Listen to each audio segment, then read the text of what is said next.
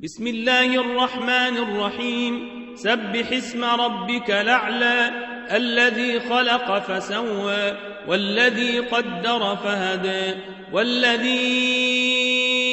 أخرج المرعى فجعله غثاء نحوا سنقرئك فلا تنسى إلا ما شاء. إنه يعلم الجهر وما يخفى. ونيسرك لليسرى فذكر النفعة الذكرى سيذكر من يخشى ويتجنبها لشقى الذي يصلى النار الكبرى. ثم لا يموت فيها ولا يحيا.